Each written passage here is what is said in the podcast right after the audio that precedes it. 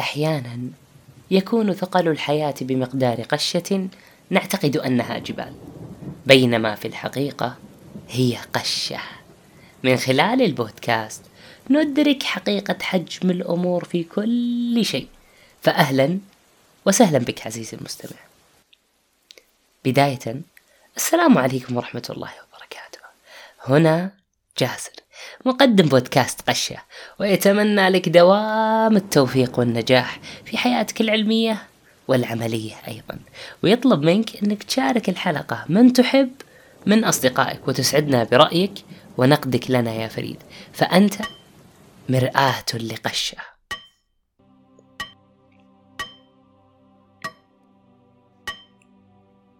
كثير منا يمر بمواقف في حياته مؤثرة. سواء كانت سعيدة أو مواقف حزينة والبعض منا تكون هذه المواقف هي محيطه الذي يعيش فيه وما يقدر أبد أنه يخرج منه. تكون المواقف هذه بمثابة الحصن بمثابة بمثابة الغرفة اللي أبدا أبدا ما يقدر يخرج منها. كل ما حاول أنه يخرج منها تذكر أنه كان فيها تذكر أنه كان فيها يأكل يشرب يلعب يسعد. كان فيها ذاك الرجل كان فيها ذاك الصديق كان فيها أبوي كانت فيها أمي. كنا نقعد كنا نروح. زي الموظف اللي يترك وظيفته أو يطرد منها تحت ظرف من الظروف. وكل يوم يقول أنا فلان موظف في القطاع الفلاني. موظف عادي أو حتى مدير. أو حتى رئيس كل يوم يذكرها للناس. أنا الموظف فلان الفلاني اللي كنت في الشركة الفلانية. خلونا نصبر شوي. هل تتوقعون هذا الشخص اللي يقول أنا كنت كنت كنت بيتقدم؟ بالطبع لا لأنه يعيش بماضي. ويتوقع أن هذا شيء صحيح. لأنه كان كذا. طيب أنت كنت؟ مو بالآن. ليه توقف في كنت؟ وتترك عنك الآن. كنت هي في الماضي. الماضي اللي أبدا ما يمديك تغيره. خلاص. اللي صار صار ما يمديك تغير الماضي. بعضهم يلبس ثوب قديم. لكنه فاخر. لكن خلاص قديم. ما أصبح ملكه. قديم ما يقدر يملكه. ثوب كان في الابتدائي طوله كان مية و ثلاثين مية وأربعين مية وخمسين. ثوب فاخر لكن الآن صار في الثانوي.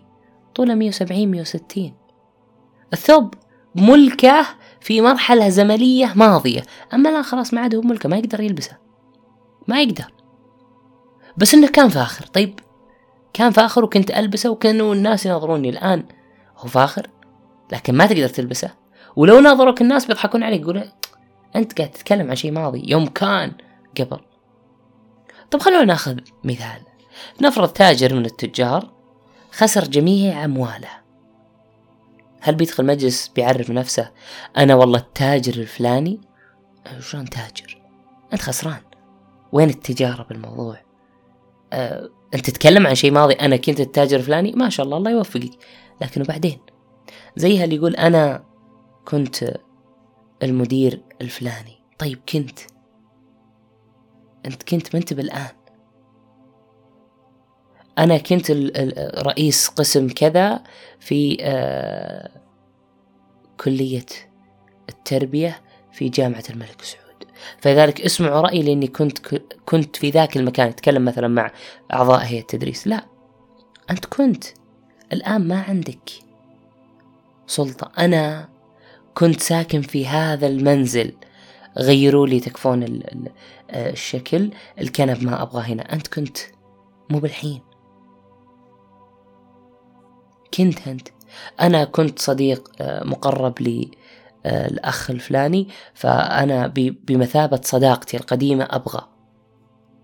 ترى مثلها مثل اللي كان أنا كنت في البيت أنا كنت اللي أعمل أنا كنت التاجر وكثير من الكنتات اللي نسمعها في حياتنا. مشكلتهم هذولي أنهم يعيشون في كنت وينسون الآن ويبنون كل حياتهم على كنت. يا عزيزي عش حياتك اللي تغيرت. بتفاصيلها. عشها بالشكل المناسب لك وفق الضوابط التي أحيطت بك. تفهم كل أمر حدث لك. ما أقول تقبله أقول تفهمه. يعني تفهم هذا الأمر وحاول التطوير. تفهم كل أمر حدث لك في حياتك. غيرك. صح؟ هو غيرك كنت أنت مدير. صرت الآن شخص خارج الشركة مطرود. اجعل التغيير هذا للأفضل. حتى تستطيع أن تعيش حياة مليئة بالإنجاز على كافة الأصعدة. في حياتنا لابد نتعلم أشياء مهمة جدا. ومن أهم الأشياء اللي لازم نتعلمها إن كيف نرحل مشاعرنا وأمورنا بشكل صحيح. لا تكن ممن يعيش في ماض ولا ولا يمكن تغييره. ما حدث قد حدث ولا يمكن أبد تغييره. فالماضي أمر حل عليك. وللمرة الثالثة أقولها لا يمكنك تغييره. والحاضر عش واغتنمه والمستقبل رسمه بعيشك لحاضرك وتطويرك لنفسك. الرحيل لا يعني أن ترحل جسديا ولا ترحل داخليا. الرحيل لا بد منه من عيش اللحظة. أحد رؤساء شركة أرامكو يقول آه كانت الشنط حقتي توصل قبل للفندق كل شيء جاهز. أصلا يعني من المبالغة يعني آه، آه، كان قبل ما يسافر توصل الظاهر الشنط. ترى هذه مبالغة من عندي ومن كيسي فتقبلوها بعد استقالته كل ذلك انتهى. كل هذا الشيء انتهى كأنه حلم. لو عاش كأنه رئيس ما راح يصدم بالواقع اللي يشوفه؟ بالطبع بينصدم. وتبدل الحال من حال أعلى إلى حال أدنى بدون تفهم لهذا الأمر هو مميت جدا. مميت جدا. مميت. ومن أكثر القصائد اللي, اللي تخلينا يعني ننصدم من تبدل الأحال وتبدل الأماكن. قصيدة أبو البقاء الرندي ويقول لكل شيء إذا ما تم نقصانه فلا يغر بطيب العيش إنسان. هي الأمور كما شاهدتها دول من سره زمن ساءته أزمان. دها الجزيرة أمرا لا عزاء له. هوى له أحد وانهد ثهلان فأين قرطبة؟ دار العلوم فكم؟ من عالم قد سما فيها له شأن. وبدأ يذكر أبو البقاء يعني مشكلة وبؤس ومصيبة سقوط الأندلس. كيف مرت على المسلمين؟ كيف تبدل الحال من حال إلى حال؟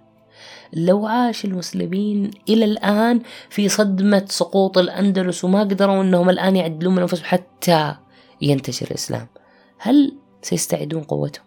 طبعا لا. فلذلك أي حال يمر لك في الدنيا لابد أنك تتفهمه وتتعايش معه وتحاول التطوير من نفسك. التغيير أمر لا بد منه. إذا كانت الجبال تتغير الآن أنت لما تمشي من طريق الرياض إلى مكة راح تمر بجبال. الجبال اللي أنت مريت فيها حط حولها علامة وقل بجيها السنة الجاية. بتشوف أجزاء من الجبل متغيرة. ما تتوقع أن تتغير حالك؟ وإذا تغيرت بتقول ليش أنا تغيرت؟ أبي آه، يعني أرجع زي أول؟ ثقة ثقة تامة. أن هذا الأمر الذي غيرك وأخذ منك تراه مأخوذ ومتغير. منك لمصلحتك. وتذكر حديث النبي صلى الله عليه وسلم.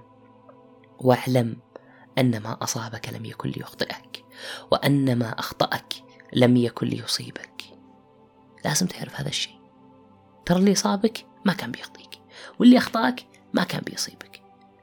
في الختام عش حياتك ولا تعيش في الماضي وتضيع كل ثانية في حياتك. عيشك في الماضي هو موت لأحلامك وهو طموح من لا طموح له. زي خاتمتنا نقول بس قبلها في عبارة بسيطة. عش حياتك حتى ما تندم بكرة أنك ما عشت.